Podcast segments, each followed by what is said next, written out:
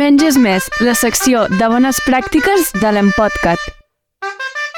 Per al Menys és més d'avui, ens volem fer ressò d'una recomanació de l'Essència de la Generalitat de Catalunya.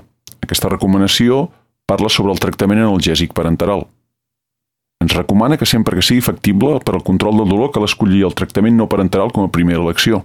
I ens recorda que l'ús innecessari de tractament analgèsic parenteral per al control del dolor s'associa més riscos de complicacions evitables per al pacient, especialment quan existeix una alternativa analgèsica amb bona efectivitat i millor seguretat, com poden ser les vies orals o tòpiques.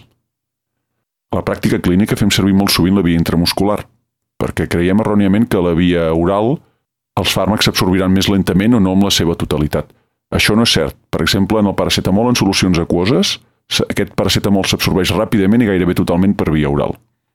Cal tenir present que la via intramuscular té riscos inherents en ella mateixa, com poden ser els abscessos o en casos molt rars de fascitis necrosant.